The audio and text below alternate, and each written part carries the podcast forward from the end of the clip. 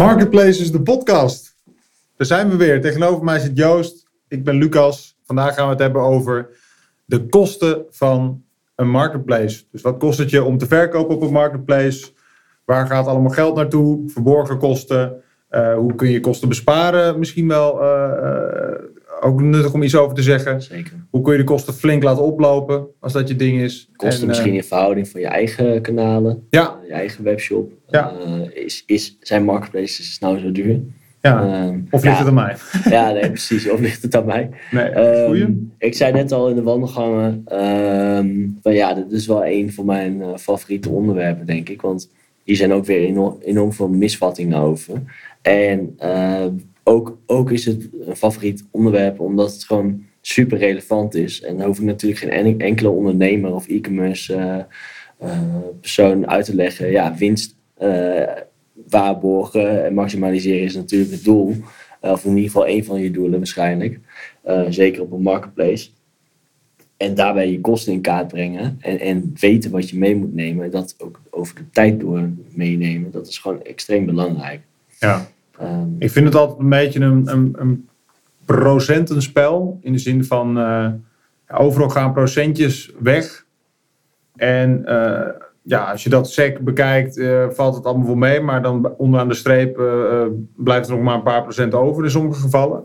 Um, en ik denk dat het nuttig is om te beginnen bij gewoon de PNL van een product op een marketplace. En dan hebben de marketplaces natuurlijk wat verschillen tussen.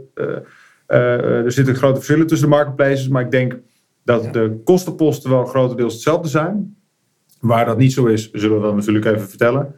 Maar ik denk uh, de PNL gewoon van boven naar beneden. Van verkoopprijs tot netto wat je overhoudt aan een product. Dat we die even doorlopen.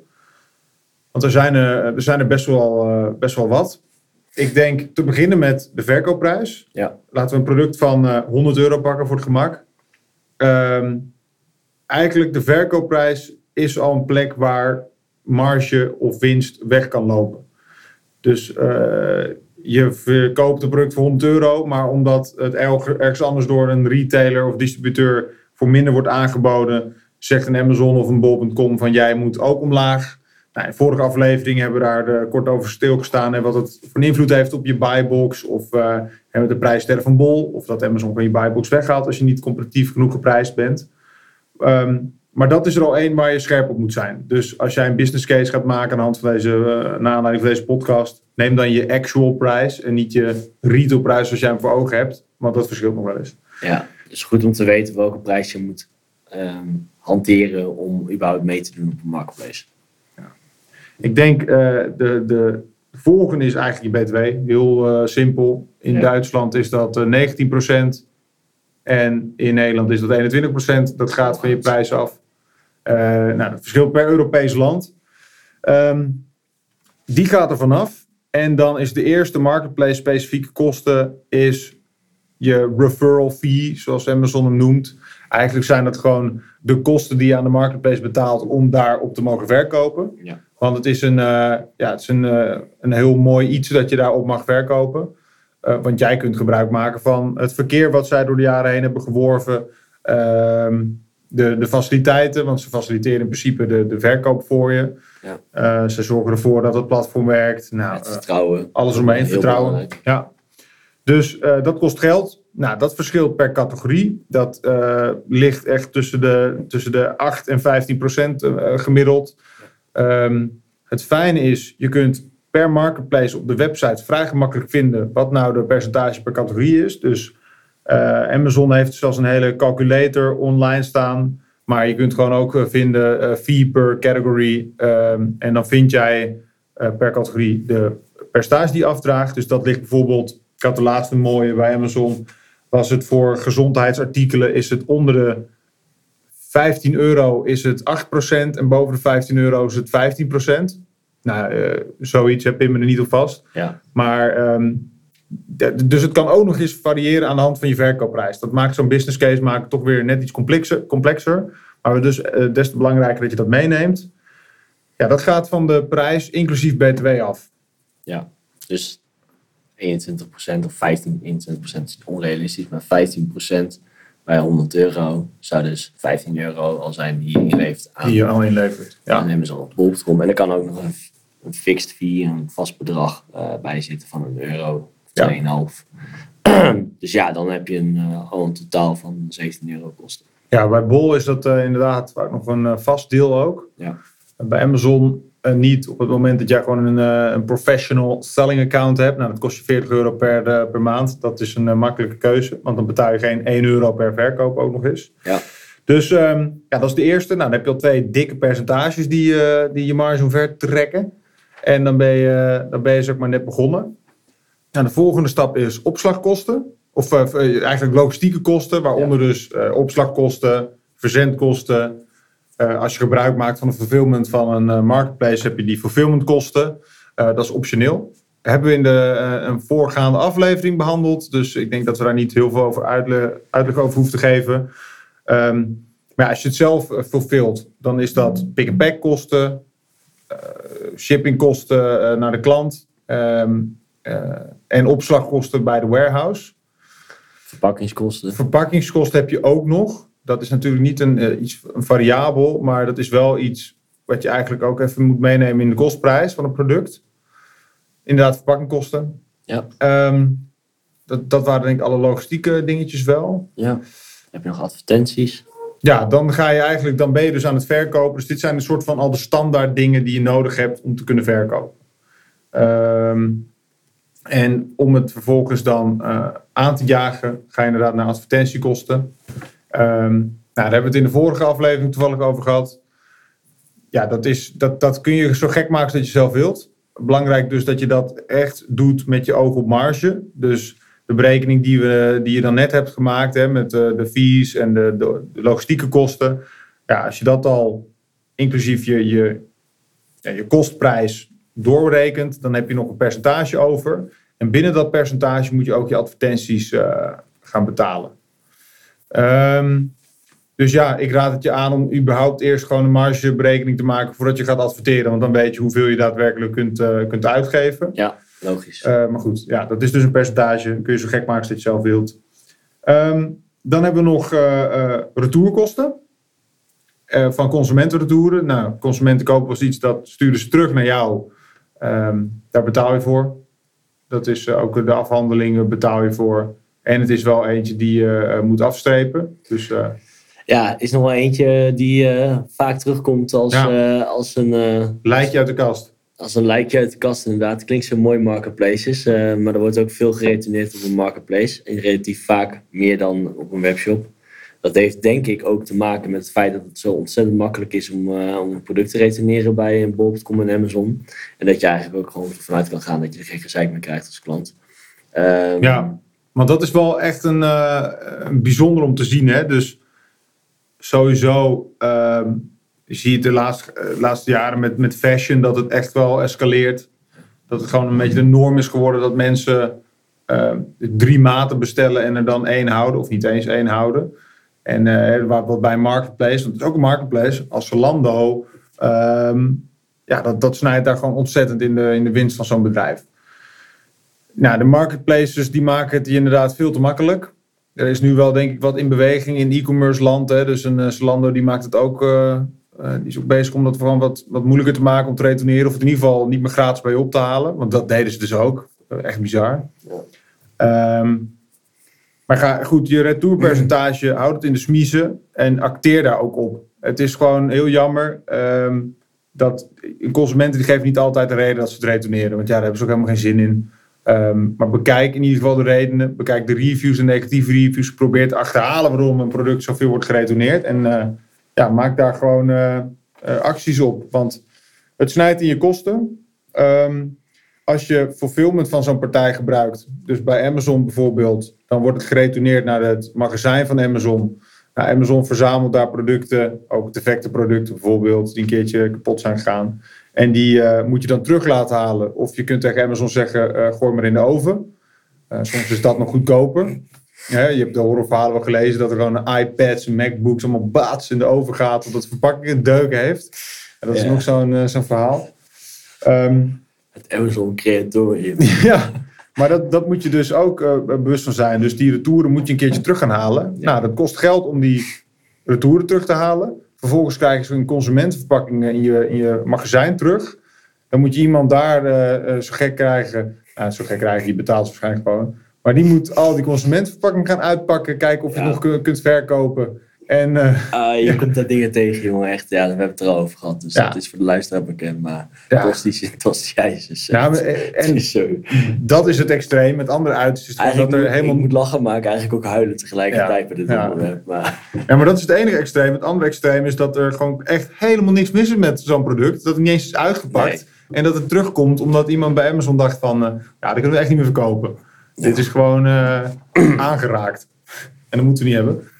Nee, dus dat is er eentje waar je bewust van moet worden. Dat is ook gewoon namelijk weer het afhandelingswerk. is toch wel een beetje verborgen kosten. Hè? Want Ja, ehm, ik eigenlijk zit er eigenlijk, we zitten eigenlijk al een streepje verder in, eh, in de rubriek eh, verborgen kosten. Want ja, eh, ik kan me heel goed voorstellen. Je denkt, nou ja, dit is de kosten als ik iets verkoop. Ja. En that's it. Maar je moet dus wel even nadenken dat het ook weer retour komt. Ja, Ehm, ja, dus wil je, eh, wil je meer weten over, over hoeveel je kan verwachten aan retouren, is misschien ook wel goed om na te denken over jouw productcategorie waar je in verkoopt. Eh, eh, iets wat relatief nou, weinig heeft gekost, functioneel is. Zeg, weet ik veel, een paar handdoeken of zo. Nou, dat is geen goed voorbeeld. de Ehm, Philips OneBlade. Philips OneBlade. Nee, maar sowieso product. Het kost niet veel. eh, is er niet veel, vaak iets mis mee. Nou ja, daar houden mensen gewoon vaak. Maar Ja. juist dingen, en daarom is handdoeken niet zo'n goed voorbeeld. Juist een, een, een, een, een stoel. eh, eh, dingen die echt gaan over smaak. Over, ehm, en dat dameskleding heeft ook zo'n hoog retourpercentage Ja. over smaak, eh sierkussentjes. Nou, dat zijn bekende voorbeelden. En ja, die wil je toch even neerleggen op de bank. En dan blijkt toch dat geel net iets anders geel te zijn. Ja, Ja. dan kan je best wel wat retour verwachten. Ja, mensen kunnen het niet zien. wel. En dat is super lullig. Maar denk dan eerder aan eh, 20, 30 procent retour. Dan aan eh, de, de veilige norm van ongeveer 5 procent. Ja, wat, zeker. een beetje het gemiddelde is. Nee, dat is het. Sommige producten zijn ook moeilijk om gewoon in een afbeelding helemaal eh, goed naar voren te halen. En ik weet eh, uit ervaring dat het verschil tussen mosterdgeel en okergeel is dag en nacht. dat kan... eh, Dat is wel veel geel. Hè? ja, dat, eh, nou, dat geel dat is echt een, eh, een top. Maar ik denk, eh, ja, daar heb je een, heel goed punt. Dus, Ja. dus kleding inderdaad. En ook vanaf bepaalde bedragen dat mensen toch eh, dat moeilijker vinden. Ehm, Nog een eh, verborgen kostenpunt, schiet nu mij te binnen. Ehm, zijn de opslagkosten. Eigenlijk had je het net al gezegd. Ja. Hè? Tuurlijk, die opslagkosten ehm, die zijn bekend hè? bij een fulfillment bij Amazon en logistiek via bol.com. Dus in principe heb je ze waarschijnlijk wel meegenomen als je ons tot nu toe hebt beluisterd. Ehm, maar je moet ook goed nadenken over de opslagkosten in piekseizoenen. ja, Eh, het is duurder bij Amazon. ja, de ruimte is schaarster bij Amazon en bol.com in het magazijn. En daardoor willen ze ook jou dwingen om ja, alleen relevante producten daar neer te leggen. En daardoor is het veel duurder om in november, december eh, je voorraad neer te leggen dan eh, in de rest van het seizoen. Ehm, dus ja, ben jij een piekverkoper, verkoop je kerstbomen of weet ik veel, kerstballen. Ja. ehm, dan moet je Goeie. wel nadenken over de opslagkosten in piek. Ik over, goeie ook eh, in piek inderdaad, in het kerstseizoen. Ehm, ik overtoep jou met nog meer verborgen kosten. Je hebt namelijk ook ongezonde voorraad. En eh, nou, bijvoorbeeld bij, een- bij Amazon Vendor kan je dat heel mooi uitlezen in de rapportage. Maar als jij eh, producten in 90 dagen niet eh, verkoopt en het ligt daar wel in het magazijn, dus bij fulfillment van Amazon, eh, dan wordt het gemarkeerd als ongezond. En dan lopen die opslagkosten ook iets op. Ja. Zo van, joh, haal het terug of verkoop het. Anders ga je gewoon betalen. Want wij willen hier niet hebben, eh, hebben liggen. Dus dat is ook nog één. Ja, en daarbij wil ik jou weer overtoepen. Dat als je... Dat meen je niet. Als je dat echt langer hebt liggen, bijvoorbeeld Ja. maanden, en wat jij zegt nu 90 dagen, maar als je het echt langer dan een half jaar hebt liggen, en ik heb nu niet even de concrete cijfers, eh, maar ik weet dat die opslagkosten echt keer, keer 20, 30 gaan als je Ja. het echt een half jaar of langer hebt liggen. Amazon die... Dus dan ga je echt, kijk, die opslagkosten hoef je eigenlijk niet zo zorgen over te nee, maken. zeker niet. Valt echt wel mee. Totdat jij je omloopsnelheid niet in, in de gaten houdt. Of, of het gewoon verpest waardoor er gewoon een niet relevant assortiment in een magazijn ligt. En dan zijn ze met een keiharde stok aan het slaan op je. En Amazon is echt, een, eh, echt hard daarin. En bol.com eh, steeds meer. Ehm, Amazon zegt gewoon haal het terug of, eh, of best- dat. ja, of je betaalt gewoon. Dan het eh, op een gegeven moment net zo duur als, een, eh, als parkeren in Amsterdam bijna. hè? Ja, nou, dat doen ze nu ook. Hè. Dus dat ze zeggen van eh, je moet een removal order maken. Dus dan moet je zelf fixen dat het terugkomt naar een mooie plek. Ja. En dan heb je daar gewoon x aantal dagen voor. En anders gaat het, eh, verdwijnt het gewoon. Ja. Nou, prima.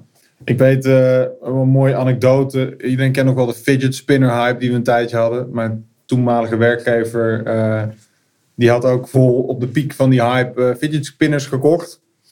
En ehm, Geel? gele fidget spinners. Echt duizenden stuks. En die hype ging toch ook weer wat sneller liggen dan dat mensen verwachten. Dus ja, dan zit je met een berg fidget spinners. En dan hebben we het net over Amazon's warehouse gehad, waar de kosten dan oplopen. Maar als jij een ei- eigen warehouse hebt en je hebt duizenden fidget spinners, Ja. dan is dat ook, gaat ook de kosten van andere opslagruimte. Ja, dat is het mooie. Hè? Dat je vaak soms merkt is dat eh, mensen hun eigen eh, warehouse kosten en hun eigen logistieke kosten eh, bijna vergeten. Ja. Alsof, dat, alsof dat niet bestaat. consument. Ja, maar ja, dus eigenlijk zit te zeggen, van, ja, ja, de opslagkosten van Amazon en bol.com moet je meenemen. Maar wat eigenlijk misschien nog wel een veel grotere verborgen kostenpost is, zijn je eigen opslagkosten. Ja. Ehm, ik hoor me zelden dat ze mee worden genomen, eerlijk gezegd. Ehm, of dat daar een inschatting van gemaakt wordt. Want natuurlijk weet je dat nooit zeker, hè? want bij bol.com en Amazon weet je het precies. Eh, daardoor neem je het ook makkelijker mee misschien. maar neem het mee, want dan maak je gewoon je business case eh, interessanter. Of neem in ieder geval een inschatting mee. Nou, genoeg over gezegd. Kan jij mij nog overtoepen met een andere verborgen kostenpost? Ik namelijk wel. Heb jij er nog één? Ik eh, zit heel even eh, kort te graven. Ik, ehm, Eén ding dat we nog niet hebben benoemd, ook eentje waarvan is, is dan zou zeggen, ehm, ja, ik heb het product verkocht, eh, er is niks mis mee, dus de klant, klant is er blij mee. Maar er zijn ook heel vaak klanten die eh, toch een vraag hebben. Ehm, ja, klantservicekosten bedoel je? ja, klantservicekosten. Goed hoor. Die hoef Ja. ik nog niet te denken. Nee, dus zo zie je maar weer. Zelfs eh, voor experts als wij eh vergeten af en toe nog eens een keer een kostenpost om mee te nemen. Maar dat is ook wel eentje om rekening mee te houden. Ehm, en je hebt natuurlijk zelf super veel invloed op hoeveel vragen jij krijgt. Eh, want als je gewoon een topproduct hebt, wat gewoon nummer één belangrijkste is, denk ik, gewoon een goed, pro- goed product, dan gaan mensen niet, zo- niet zoveel klagen. En als je een duidelijke handleiding hebt met verschillende manieren, met een video, met tekst, weet ik veel, eh verzin het allemaal. Eh, dan kan je, kan je dat minimaliseren. Maar je krijgt ze sowieso. Ehm, en ook de veel voorkomende vragen over facturen of over standaard dingen die je steeds terug ziet komen. Ja, kan je gewoon een template van maken. Ehm, en automatisch elke keer eh, toesturen als weer diezelfde vraag eh, toekomt. Ja, Maar heb je een bepaalde schaal. Als je een bepaalde schaal hebt, dan is het ook de moeite waard om daar een eh, software voor aan te sluiten. Een Zendesk-achtige dingen waarmee je dat nog efficiënter kan inrichten. Precies. Met Ehm. AI kan je ook steeds makkelijker waarschijnlijk zo meteen... Ja, ik heb toch nog een verborgen kosten, dus ga je over toepen. Namelijk, ehm, als je voorraad naar Amazon toestuurt, dan kun je het ook door Amazon laten stickeren. Dus als jij ehm, bijvoorbeeld je eigen, niet je eigen barcodes hebt, of je, eh, dat noemen ze manufacturing barcoding eh, of, of eh, merchant barcoding. ja, NPC of zo. Ja, en, en dat kun je dan door Amazon, moet je dan een, een stickertje laten plakken. Nou, dat kost 3 cent per product of zo. Maar dit is wel een redelijk bizarre toep, als je het mij vraagt. Ja, ja, nee, dat is wel eentje Ik denk, om mee te nemen. Niet een hele grote kostenpost, Nee, maar schrik er niet van. dus ja, het begint wel de meest demotiverende eh, podcast te worden uh, omtrent marketplaces. Ik zou denken, eh, misschien op de helft van laat me zitten, die is mijn product niet geschikt voor. Maar nee, het, het, het zijn geen, niet in, in heel veel gevallen zijn het niet heel veel grotere kosten als met jouw webshop. Al kan ik daar natuurlijk Ja, daar heb je ook BTW. Dat is het grootste. Chunk. Ja, daar heb je de BTW, maar je hebt ook natuurlijk genoeg kosten om, eh, rondom marketing om eh, bereik te vergaren. Ja. Ehm, en daar betaal je bijvoorbeeld commissie voor. Eh, je fulfillment heb je natuurlijk ook gewoon voor je webshop. Nou, en bij de marketplace heb je vaak diensten die het veel goedkoper kunnen maken voor jou om, om te leveren. Dus ja, ehm, zo demotiverend hoeft het helemaal niet te zijn. En zeker niet met onze kosten, kostenbesparende tips. Ja, kostenbesparende tips. Inderdaad. Tip nummer 1. ik denk we hebben net een hoop percentages gezien. Dus die schalen eigenlijk mee met je verkoopprijs. Ja. Maar er zijn ook een aantal die niet meeschalen. Zoals je eh, pick-and-pack kosten, hè, je verzendkosten. Dus eh, het kan echt wel lonen, behoorlijk lonen, om je orderwaarde gewoon op te krikken. nou, je orderwaarde opkrikken, gewoon op te krikken, dat klinkt natuurlijk heel makkelijk. Ja, Maar dus dat is- je meerdere bestellingen of meerdere producten in één bestelling Ja, dat. Of Ja. je gewoon duurdere producten verkoopt. Ja. Eh, een aantal common tips zijn eh, gebruik maken van volumekorting. Dus dat je een bepaald percentage korting geeft wanneer een klant er 2, 3, 4, 5, 10 eh, koopt. Ja. Ehm, je kunt bundelen. Dus daar heb je met een tool eh, ertussen, zoals een eh, Channel Engine bijvoorbeeld, kun je virtuele bundels maken. Nou, dan koppel je twee EAN's aan elkaar. Dat verkoop je dan als een nieuw product. Ehm, met een nieuwe EAN. Nou, dat is dus een hogere orderwaarde, hogere waarde voor Ja, de een consument. laptop met een muis bijvoorbeeld. Exact, goed voorbeeld. Ehm, dat is er één. Eh, even kijken, dan heb je ook nog. ehm, eh, ja, je, je kunt op Amazon promoties instellen, waardoor je kunt zeggen van als je twee van onze producten koopt, dan krijg je korting op de derde bijvoorbeeld. Of Ja. eh, dat soort eh, prijspromoties om die orderwaarde op te krikken. Ja, en dan had ik nog eentje bij bol.com heb je commissiekorting op verlaagde prijs. Hele goede ook. Ehm, kan heel interessant zijn. Ehm, goed om te, te volgen ook. Ehm, en bol.com wil, soms dat jij een goedkopere prijs hanteert, omdat ze erin geloven, omdat je daardoor competitiever bent. En bol.com daarmee ook. Dus dan zijn ze bereid om eh, jou te funden eigenlijk, om een beetje geld bij te doen. Eh, zodat jij, eh, wanneer jij een lagere prijs hanteert. Dus stel je voor, je hebt nu een prijs van 100 euro. Ehm, nou, bol.com ziet in de markt dat het product voor 85 euro wordt aangeboden. Nou, ze willen niet dat klanten bol.com gaan ervaren als, eh, slechte, als een slechte platform, maar een duur platform. Dus zeggen ze, nou, als jij de prijs van 100 naar 90 brengt, dan verlagen wij de commissie met 2 euro. Bijvoorbeeld. Waardoor jij ook een beetje meer marge maakt. Dus dan ga je samen, zorg je dat, dat je de prijs eh, verbetert. En dat kan heel aantrekkelijk zijn, want soms maak je gewoon zelfs meer winst, dus met een lagere prijs. Ja, dat is super. Ehm, andere bespaartips. Ik Ja. denk nog aan ja, de fulfillmentdiensten gewoon. Hè? ze fulfillment. kunnen duurder zijn. Ze zijn over het algemeen irritanter voor je logistiek. Want je wil natuurlijk liefst één lo- voorraadlocatie hebben. Eh, eh, voor, je, voor al je producten. Dat is makkelijk om te managen. En scheelt een hoop eh, verzendkosten naar, eh, naar een fulfillment dienst. Als je FBA of 11B gebruikt. Ehm, maar kijk er eens naar. Er zijn genoeg varianten die misschien wel bij je kunnen passen. Ehm, en ze zijn relatief goedkoop. En eh, als je dan toch even over kosten hebt. ehm, we hebben het er vorige keer met Fulfillment ook al over gehad. Hè, maar ja, neem ook even. Een, maak ook een goede vergelijking tussen FBA en LVB. En, Ja. jij, en dat jij het zelf doet. Want er zit niet alleen shipmentkosten in. Er zitten ook productverpakkingskosten in. Maar ook eh klantenservicekosten. Ehm, ja, dat vergeet ik. Ja, en een verhoogde afzet, omdat je gewoon sneller bij de klant bent. Ja, precies. Dus eh, maak die business case eh, puur, zou ik zeggen. Daar kunnen wij ook altijd bij helpen. Ehm als je nog een andere kostenbesparende tip... ehm, Ja, across the board is het. ehm, ik denk bij het retouren, dat is, zit hem ook gewoon heel erg in. Ja, leren van je negatieve reviews en Ja. retourtjes en dat eh, meenemen naar de eh, ja, research and development. Eh, soms is het ook gewoon beter om bepaalde producten niet, niet te verkopen. wanneer dat gewoon in je overall marge snijdt. Dus als je een aantal producten met, een, met verlies verkoopt, ja, verkopen ze gewoon niet. Of verkopen ze alleen op kanalen waar je er wel wat aan overhoudt. Dus ehm, ja, leef niet in de veronderstelling dat je alles overal moet aanbieden. Ehm, nou ja, nog wel één leuke trouwens. Ik zelf meer ervaring mee gehad. en Jij ook inmiddels. Dus we hebben dit ook al een keer genoemd. Maar je productverpakking, die dimensies daarmee. eh, ik bedoel, even de afmeting van jouw product. eh, zorgen dat jij bepaalde kosten eh, krijgt vanuit LVB of FBA. Maar ook vanuit PostNL heeft bepaalde restricties aan hoe groot jouw product mag zijn.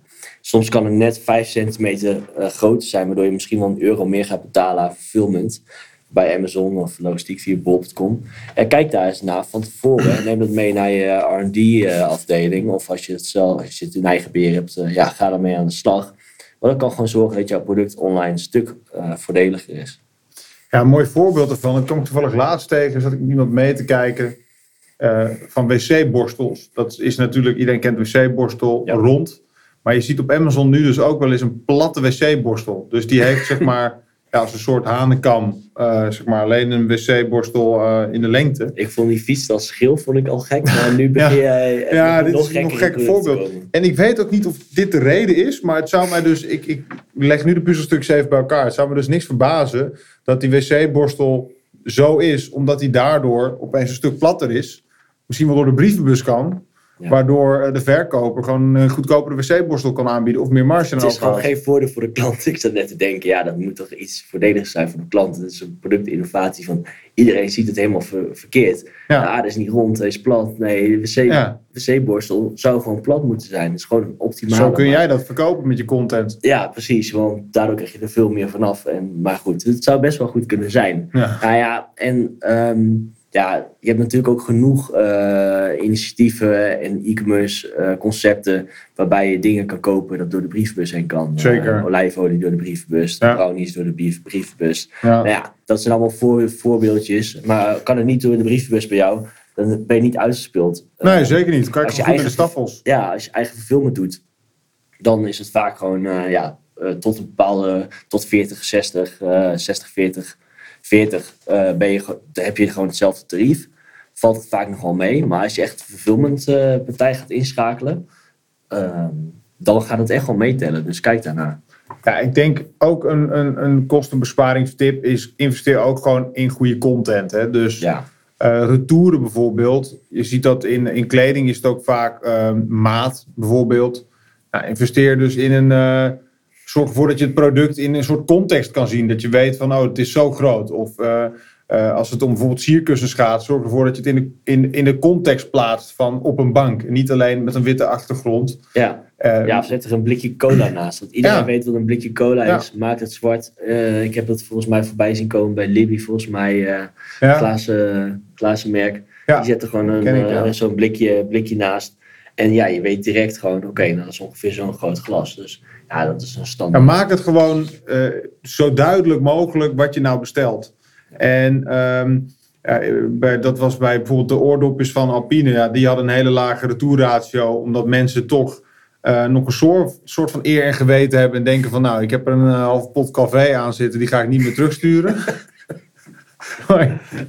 Ja, het is natuurlijk een beetje... eh, ehm, eh, dat, daar ging het ook vooral over in, in de context, dus in een oor. Een XL-variant, dat was een smerig voorbeeld, sorry daarvoor. Ja, Ja, een XL-variant, eh, S-variant, hand erbij. Zorg ervoor dat, dat klanten eigenlijk als ze het eh, eh, kopen, dat ze denken van ja, ik ben misschien niet tevreden, maar ik had, dit had ik ook kunnen weten voordat ik het kocht. Ja.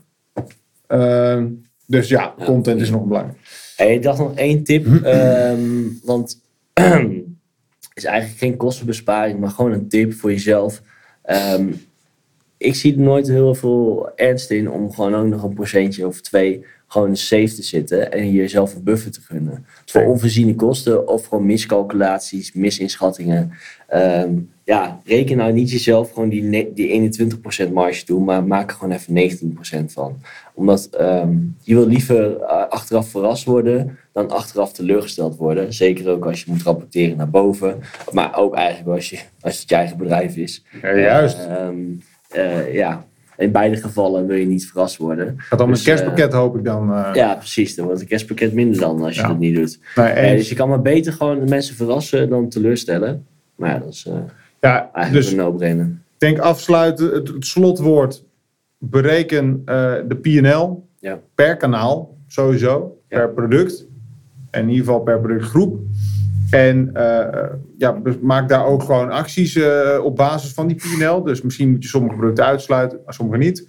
Ehm hereik die PNL every now and then. Want er verandert bij een Amazon Bol eh, verandert er ook van alles aan. Fee-structuren, eh, eh, kostenplaatjes. Ehm, ja, en, en, en stuur daar gewoon op. Ja.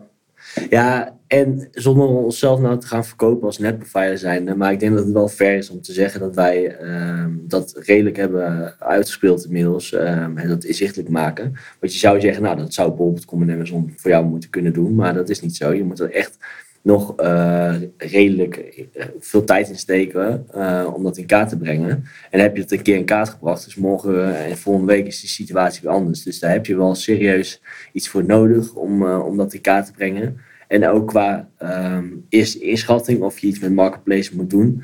En daar de business case ervoor maken. Eh, daar Ja. bieden wij eh, in ieder geval een gratis potentiescan voor aan. Eh, dus mocht je geïnteresseerd zijn naar aanleiding van deze podcast, ook al was het een hele demotiverende, er komt Ja, uiteindelijk ja. nog een beetje positief, positief eind aan te brengen. Nou, je weet ons dan gewoon te vinden. Wij kunnen het voor jou inregelen dat je je winst gewoon kan monitoren op wekelijkse basis. Eh, maar we kunnen ook naar jou kijken en kijken van oké, wat is de business case eh, qua zowel omzetkansen als, eh, als, kosten, als, als, als de kosten, het kostenplaatje. Zodat je inzicht hebt in of het een winstgevende strategie kan zijn.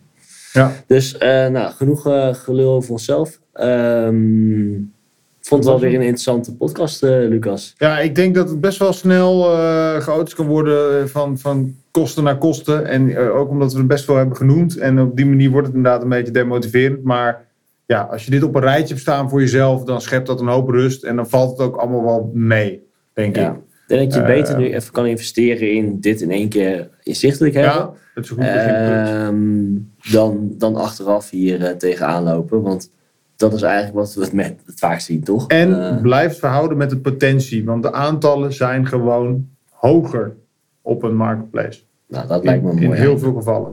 Yes. Oké, nou bedankt en eh, tot de volgende aflevering.